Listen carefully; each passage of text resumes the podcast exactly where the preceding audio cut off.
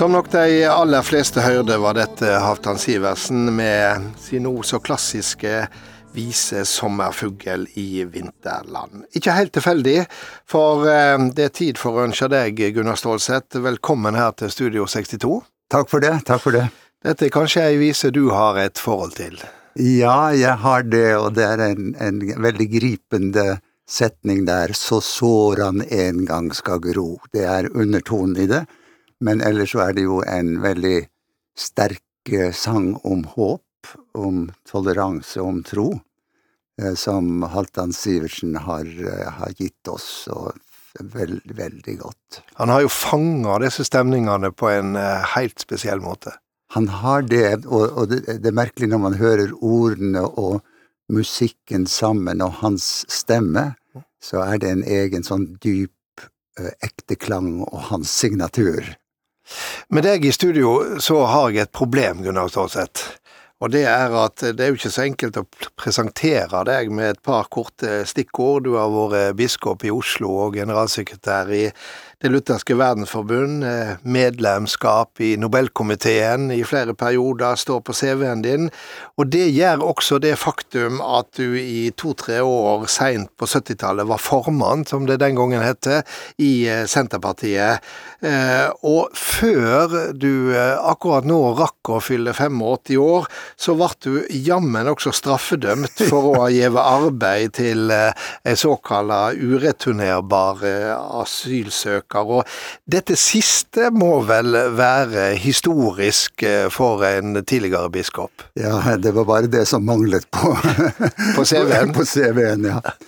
Ja, eh, historisk sikkert, eh, um, men samtidig veldig aktuelt, eh, fordi det viser eh, dype konflikter mellom verdier i et samfunn, og noen ganger så er man eh, nødt til å ta et standpunkt eh, som man kanskje ikke har forberedt seg på, men som, hvor man ikke har noe valg.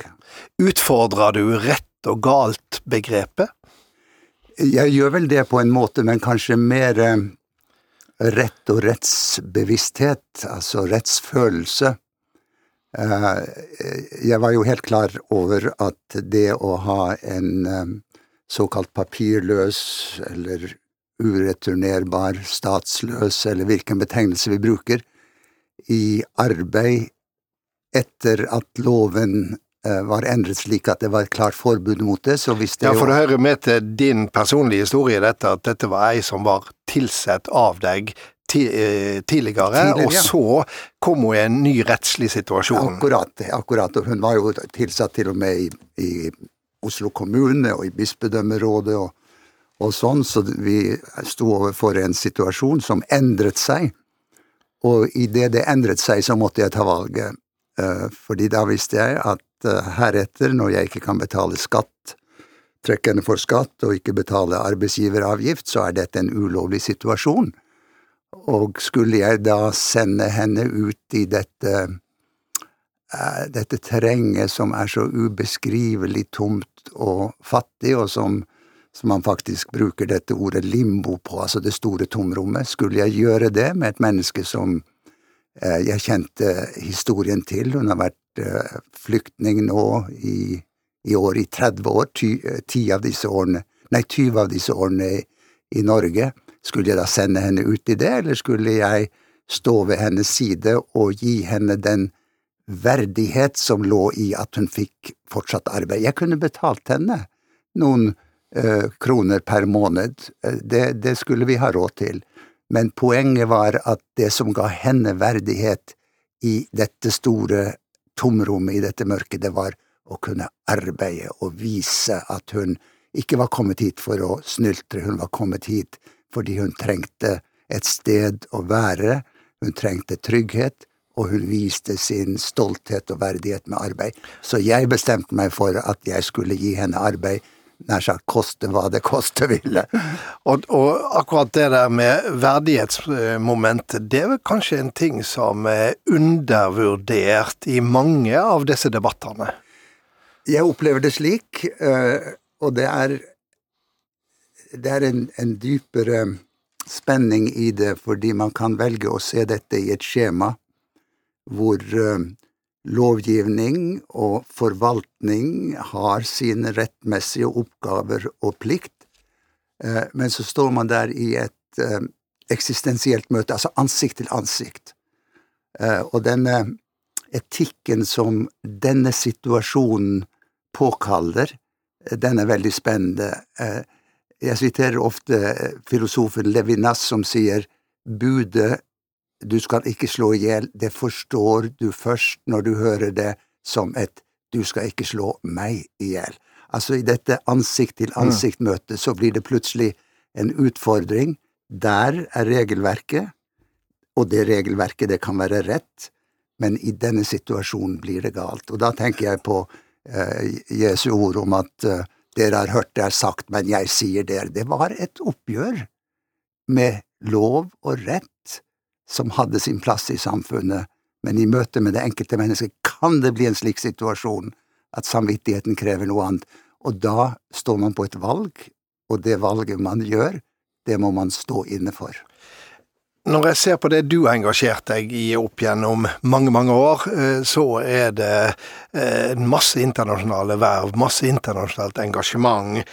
Hvorfor så internasjonal? Hva kommer det ifra? ja, ja det, det, er jo Jeg pleier av og til å si at det er fordi jeg kommer fra utkanten. ja, du kommer fra Nordkapp, gjør du ikke det? Jeg kommer født i det som nå er Nordkapp kommune, ja. I det ytterste I den ytterste utkant. Eh, og da er du omtrent midt i verden. For verden består av utkanter, og jeg har fått det store privilegium å, å være mange av de stedene rundt omkring, og følt meg hjemme der. Så jeg har, jeg har liksom dette med jeg tror det er antennene fra min barndom i et fleretnisk miljø, norsk, kvensk, samisk, flerspråklig miljø, mange religiøse tradisjoner, konflikter, men også forsoning. Jeg tror, jeg tror det ga meg antenner som bare pekte i en retning, og det var uh, det nære i det globale. Ja, du er, du er født cirka, stemmer det? Det stemmer. Ja. det stemmer.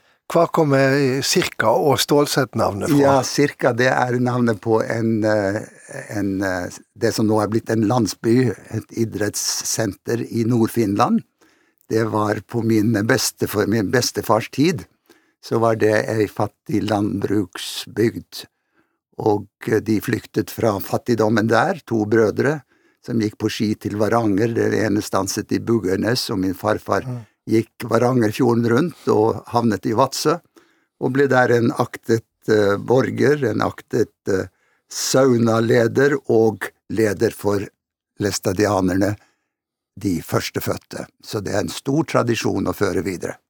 Det er det, og heldigvis ikke vår samtaletid eh, ute, Gunnar Stålseth, men vi skal unne oss gjenhør med ei av de nyeste salmene Den norske kirka holder seg med, Den fattige Gud, som er skrevet av Edvard Hoem, som i dag, faktisk, tror jeg, blir slått til kommandør av St. Olavs orden, og som vi her eh, hører med Henning Sommero, som både har skrevet melodien og som synger. Ville vi forstå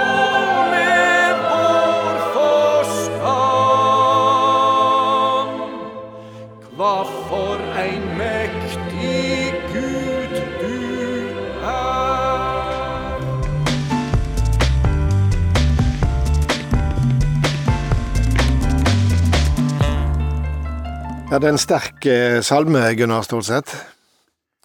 Ja, den, den er uh, gripende og sterk og utfordrende, fordi i dagens verden så er religion kan vi ikke snakke om religion uten å snakke om religion på godt og vondt, og stille eh, det spørsmålet som Pete Hine formulerte når han sa at menneskene er gode på bunn, men hvorfor er de så ikke det?